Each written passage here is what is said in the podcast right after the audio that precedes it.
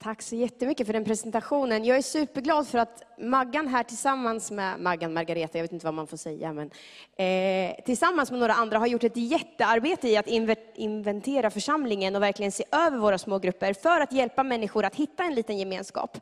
Eh, så ta verkligen det här tillfället idag eh, att se över lite vilka grupper finns, kanske skulle jag gå med i en grupp, kanske ska jag starta en grupp och sådär.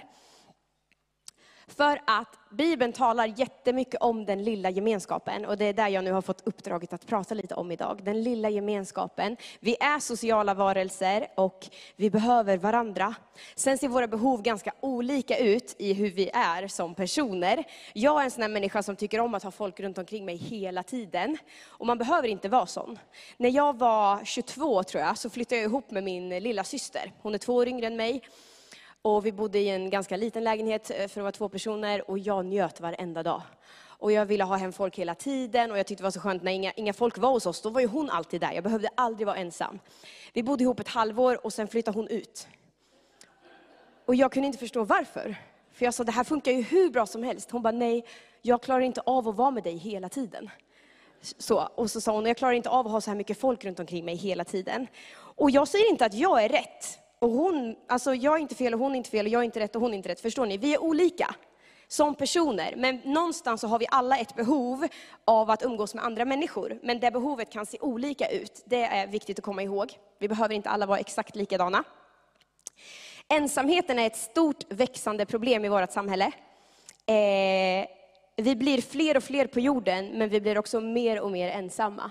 Det är intressant tycker jag. Och eh, enligt en forskare på Göteborgs universitet som heter Bengt Brylde, och han är professor i praktisk filosofi, det lät väl invecklat. Men han säger att eh, gemenskap och närhet är läkande. Och man har kunnat se i sjukvården att kroppslig smärta kan, alltså den förvärras av ensamhet. Men hur fysisk närhet och gemenskap kan faktiskt läka fysisk smärta. Visst är det intressant? Att sällskap och relationer är läkande, både psykiskt men också fysiskt. Och det här talar för mig om vilket behov som är nedlagt i oss människor av faktiskt andra människor. Vi har relation med Gud, men också med varandra. Eh, och vi kan läsa där redan i första Mosebok 2.18, när Gud har skapat Adam så säger han, det är inte bra för mannen att vara ensam. Jag ska göra en medhjälpare till honom, en som är hans like. Redan från start så såg Gud att människan mådde inte bra av att vara själv. Så det är inte konstigt att ensamheten idag är ett problem, för det var den redan från start. Det var inte bra för människan att vara ensam. Gud har inte tänkt oss att vara ensamma. Vi är beroende av varandra och vi hör ihop som kristna. Och Bibeln säger till och med att det är tillsammans som vi fattar bredden, höjden, längden och djupet av vem Gud är. Vi behöver en personlig relation med Gud, den är viktig. Jag tror att det är viktigt att ha den där ensamma stunden med Gud. Men Bibeln säger också, tillsammans med alla de heliga, med de kristna, det står i Efesierbrevet kapitel eh, 3 och vers 18. Tillsammans med de heliga ska ni förstå vem Gud är. Och då kan det vara i den stora gemenskapen, så som vi möts här och nu, men också i den lilla gemenskapen. Och jag tror, alltså jag älskar gudstjänst, jag älskar söndag förmiddag, jag älskar när vi möts alla tillsammans, alla generationer, eh, från massa olika länder. Jag tror att den här, det här mötet är viktigt, här möts vi för att byggas upp och uppleva mer av Gud och få höra om, av hans ord och sådär. Men jag tror inte att det här endast kan mätta vårt behov av gemenskap. För att om vi är helt ärliga mot varandra, hur mycket lär vi känna varandra en söndag förmiddag? Det är ju inte så lätt att lära känna någon när du bara sitter och tittar i nacken på den personen, eller hur? Du lär ju känna dens nacke liksom. Det finns inte så jättemycket att säga om den kanske. Sen så har vi ju gemenskap här efter, vi går ner och fikar och sådär och jag, jag älskar det också. Men det blir inte den där platsen där vi delar en nära, tajt gemenskap. För vi möter kanske olika människor varje söndag. Och vi har ju fått höra här idag redan, vi har fått i den här presentationen av vad, vad som kan, eller vad vi tror behöver på något sätt känneteckna en smågrupp. Att det handlar om att dela gemenskap, eh, dela livet och dela tron. Och det här är ju ingenting som man bara har satt samman för att det här lät bra, det var tre fina punkter, utan det här har faktiskt sitt ursprung i Bibeln. när vi ser på den första församlingen. Och Kalle har redan citerat några verser därifrån idag, men jag skulle vilja läsa det tillsammans med er. Vi ska gå till Apostlagärningarna kapitel 2 Eh, och läsa om den första församlingen. När man beskriver den första församlingen och hur de levde så står det så här i Apostlagärningarna 2, och jag läser ifrån vers 42. De höll troget fast vid apostlarnas undervisning och vid gemenskapen, brödbrytelsen och bönerna. Varje själ greps av bävan och många under och tecken gjorde genom, gjordes genom apostlarna. Alla de troende var tillsammans och hade allt gemensamt. De började sälja sina egendomar och ägodelar och de delade ut till alla efter var och ens behov. Varje dag var de troget och enigt tillsammans i templet och i hemmen bröt de bröd och delade måltid med varandra i jublande innerlig glädje. De prisade Gud, var omtyckta av hela folket och Herren ökade vardagsskaran med dem som blev frälsta. Alla de här tre punkterna som vi har pratat om, dela gemenskap, dela livet och dela tron, finns i den här beskrivningen av den första församlingen, skulle jag vilja säga. Så följ med mig. Att dela gemenskap. Vi läste i vers 42. De höll troget fast vid apostlarnas undervisning och vid gemenskapen. Det står att de höll fast vid gemenskapen. Och om man slår upp det här ordet gemenskap i den grekiska grundtexten, så står det att det handlar om ett brödraskap. Det är en djup förening, det är ett gemensamt deltagande präglat av solidaritet. Alltså det betyder att det fanns en sammanhållning i den första församlingen. Ett, en, liksom, en kamratanda, ett ägandeskap där man tillsammans kände att det här är vårt. Det här är någonting som vi alla värnar om, vi är med och bidrar, vi är med och liksom bygger upp den här gemenskapen. Det var viktigt. Man tog hand om varandra, jag tror att man verkligen kände varandra på riktigt. Det står också att alla de troende var tillsammans och hade allt gemensamt. Det står att de sålde allt de ägde och liksom lade det i någon slags gemensam pott. Och då kan man ju känna så här, nej men Malin säg inte nu att vi alla ska sälja allt vi äger och starta ett stort kollektiv. Vet du, det säger jag inte. Jag tror inte att det skulle funka i vår värld, i hur den ser ut idag. Men det finns någonting vi har att lära av den första församlingen. I hur de delade en gemenskap, där man hörde ihop med varandra, där man brydde sig om varandra, där man såg varandra. Och ibland så tror jag det är så lätt för oss att vi hamnar i görandet. Vi behöver människor till det här, det behövs någon som gör det här. Och jag älskar eh, Bosse, nu ser jag honom inte, men hur han, hur han pratar om att man kan göra saker tillsammans, men också i det bygga en liten gemenskap. Det är ju fantastiskt att det kan få vara både och. Men det är också lätt ibland tror jag att man hamnar i att jag behövs bara för att man behöver mig till en uppgift. Och då blir församlingen inte något roligt, utan då känner man bara att jag måste gå dit för att de behöver min arbetskraft. Så tror inte jag det är tänkt att vara. Utan jag tror att när man hittar en gemenskap där man känner att här finns det människor som älskar mig, som bryr sig om mig, som vill att jag ska vara med i gemenskapen, då blir det också en glädje i att få hjälpa till. Det blir också en glädje i att få tjäna. För man har den här kamratandan, man har den tajta gemenskapen. Det handlar om att dela livet. Att våga dela livet med varandra. Jag skulle vilja säga så här, att det behövs inte fler perfekta kristna. Det behövs inte fler kristna där allt ser så bra ut på ytan. Utan jag tror att vi behöver bli bättre på att bygga gemenskaper där vi vågar vara ärliga med varandra. Där vi vågar vara äkta med varandra.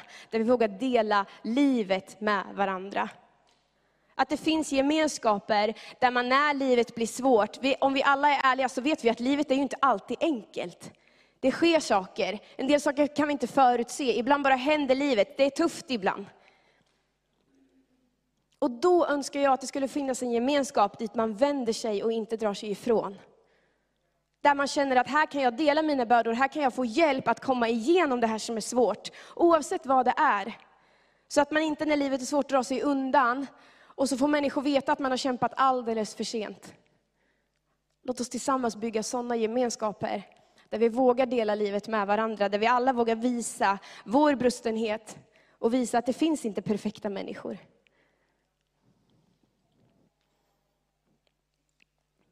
Och låt oss tillsammans dela tron.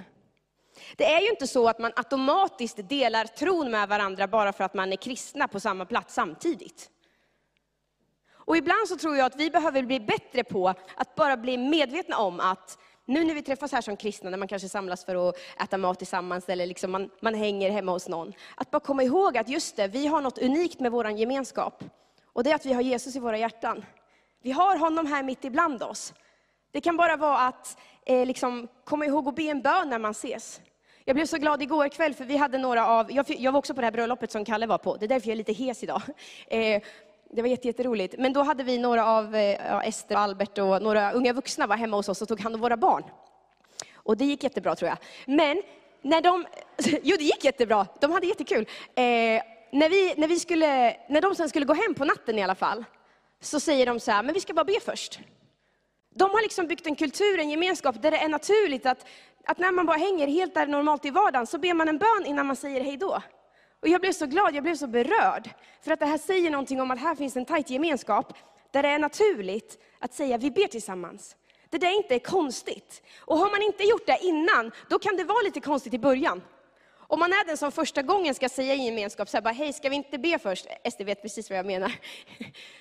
Om man inte har byggt den kulturen att det är naturligt att be tillsammans, då kan det vara lite konstigt första gången.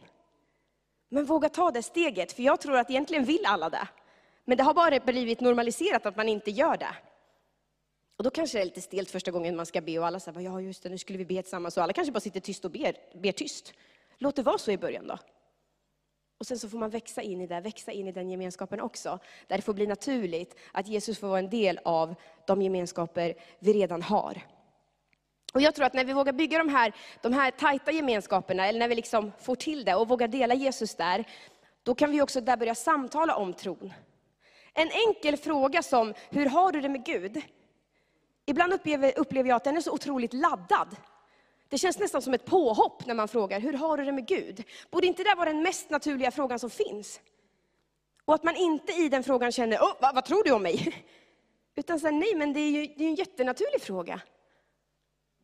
Och jag tror att om den frågan kommer i den lilla gemenskapen, där man vet att här bryr sig människor om mig, då blir den inte laddad, då blir den inte svår. Utan då vet man att det här är en människa som frågar för att den vill att jag ska växa vidare. För att jag ska få komma längre, för att vi tillsammans ska uppleva mer av vem Gud är. För jag tror att precis som vi redan har hört här idag, så är det när vi vågar dela tron med varandra, dela livet och dela gemenskapen, som vi växer vidare. Vi växer vidare i vilka vi är som människor, i vårt lärjungaskap. Eh, och vi kan tillsammans uppleva mer av vem Gud är. Men grejen är ju den, att jag tror att för att kunna bygga den här tajta gemenskapen, så behöver man ju träffa samma människor. Jag tror inte att man lyckas bygga den här gemenskapen om man träffas, man kan ju träffa en liten grupp, men det är olika grupper hela tiden. Jag tror att då är det svårt att komma vidare i relationen, för då behöver man ju börja om varenda gång. Om vi ser det här efteråt på kyrkkaffe till exempel, det blir ju mer av en mingelgemenskap.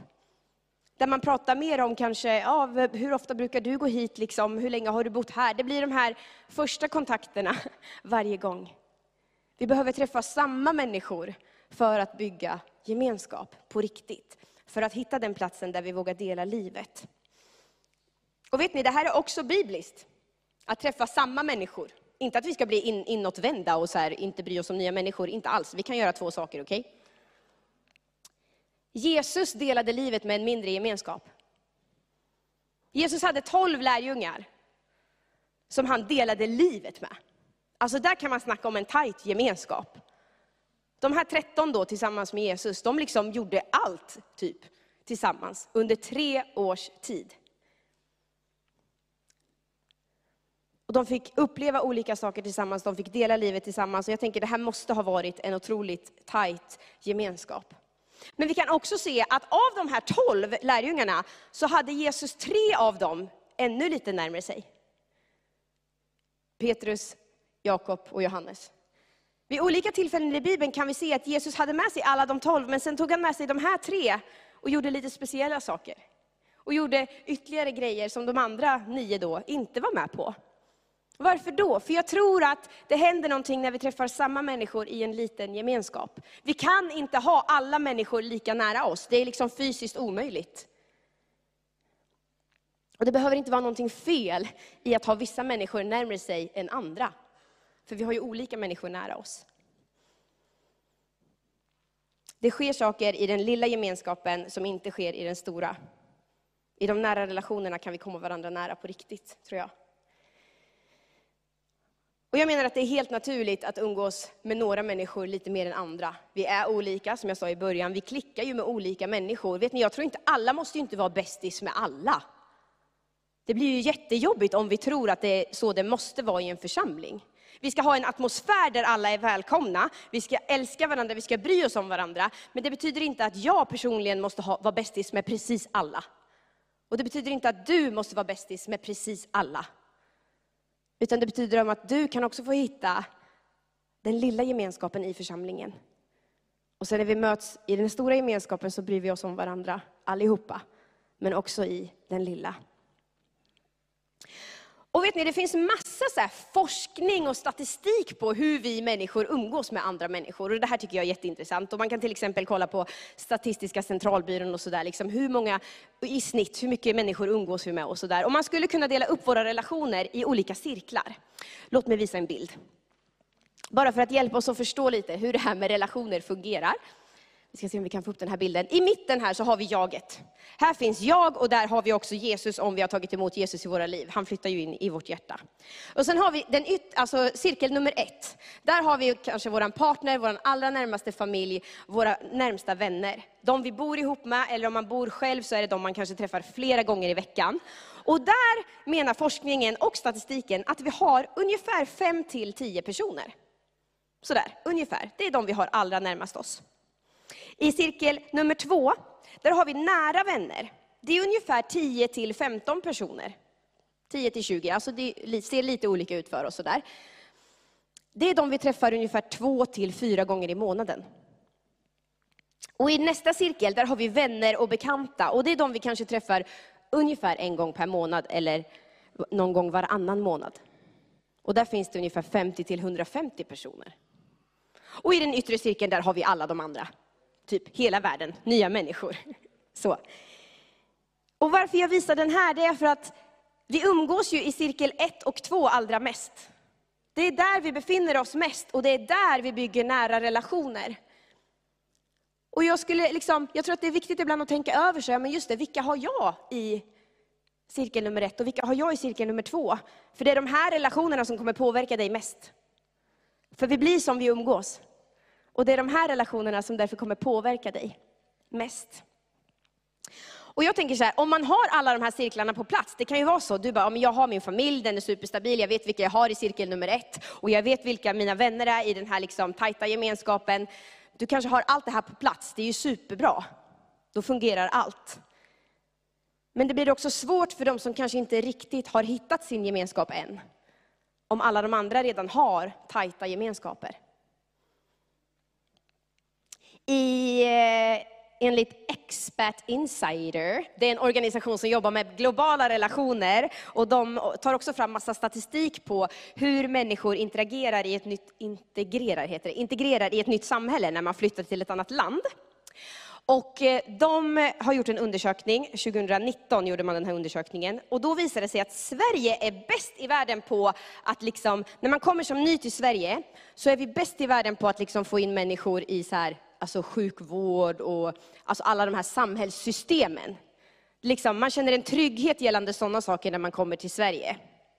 Men vet ni att vi kommer sist på listan när det gäller att hitta nya människor och lära känna vänner. Nu säger inte jag att, att de här har 100% rätt, men enligt den här undersökningen så kom vi sist när det gäller att lära känna nya människor. Och vet ni, jag säger det till mig själv, för jag är kanske en av dem som faktiskt vet vilka jag har i mina cirklar. Och jag tror att du och jag som har de här cirklarna satta, vi behöver ibland komma ihåg, just det, det finns de som inte har det än. Och ibland våga öppna våra cirklar för att innesluta nya människor i våra gemenskaper. Vi har några vänner som vi precis har lärt känna nu. Ja, jo, men det är några vänner till oss nu. Som, de har bott i England i tio år och nu flyttat tillbaka till Sverige. Och eh, de sa så här att det är jättesvårt att lära känna människor i Sverige.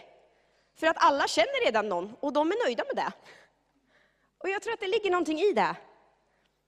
Låt oss inte bli för inneslutna, okej? Okay? Gemenskapen är jätte, jätteviktig, men när vi ser kanske en familj eller någon människa där vi känner, att ja den här människan kanske jag skulle klicka med, den här människan skulle kunna passa i min gemenskap. Låt oss då också vara öppna för det. Så att vi hjälper andra människor att också hitta sina nära vänner. Jag tror att det är viktigt att komma ihåg. Ibland kan vi också tänka att äh, men den där människan skulle jag kanske inte klicka med. Jag tror inte riktigt att vi, vi är inte på samma, liksom, vad säger man? Ja, men vi kommer nog aldrig funka ihop. Ibland kan man ha fel om människor också.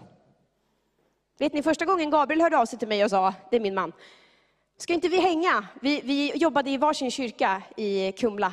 Och så, så här, vi hade ju jobbat en del ihop och sen så hörde han av sig och sa, ska inte vi hänga privat? Och jag bara, nej. Han är så tråkig. Ja, vet ni, jag hade fel. Jag hade så fel.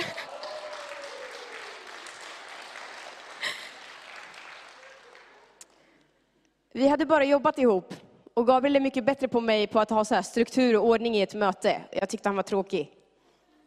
Men han var ju mycket rolig när man umgicks med honom privat. Ibland kan vi ha en förutfattad mening om människor. Låt oss vara öppna i våra gemenskaper, att faktiskt också våga bjuda in människor för att lära känna människor på riktigt. För ibland så är det så att en människa kan vara på ett sätt i en stor gemenskap, men någonting helt annat i en liten gemenskap. Yes. Så till slut, jag ska alldeles strax landa. Du som finns här idag som önskar en liten gemenskap, ta det här tillfället i, i liksom, ta det här tillfället idag. Att liksom gå ut hit, prata med människor, få lite inspiration, få idéer och framförallt anmäl dig till att du vill hitta en liten gemenskap om du själv inte vet hur du ska göra det. Och jag tror också att det ligger lite på individen att faktiskt visa att här är jag och jag vill lära känna nya människor. Jag vill, jag vågar ta ett steg för att liksom bjuda in mig själv i en gemenskap. Ta det tillfället idag. Och du som finns här inne som kanske har superkoll på dina de här cirklarna. Tänk bara den här tanken. Vilka finns i min närhet som jag kanske ska bjuda in i min cirkel? För att den också ska hitta en tajt gemenskap. Det betyder inte att någon här inne ska ta hand om alla. Utan det betyder att vi alla hjälps åt. För att ingen ska behöva vara ensam. Och låt oss inte tillsammans glömma att vi har något unikt med våra gemenskaper. Och det är att Jesus själv har lovat att vara mitt ibland oss. Att han själv har tagit plats i oss och att han också vill göra någonting i våra hjärtan som formar mig som individ men också hur jag ser på andra människor. Han hjälper mig att se det han ser i andra. Och vi får vara olika, vi behöver inte vara exakt likadana. Vi ber tillsammans och sen så kommer teamet fortsätta leda oss i lovsång och tillbedjan. Och samtidigt som de gör det så finns möjligheten till personlig förbön.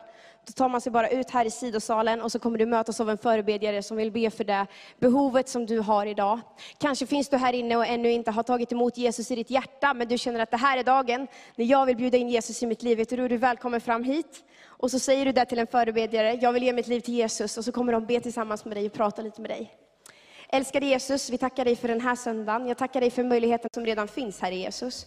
Tack att de ska få växa vidare, här i Jesus. Tack att du har satt dem samman, här i Jesus. Och jag ber att utifrån den här dagen så ska det få skapas mera smågrupper, Herre här i Jesus. Mer små, tajta gemenskaper där man kan få växa vidare i tron och dela livet med varandra, här i Jesus. Vi ber om det.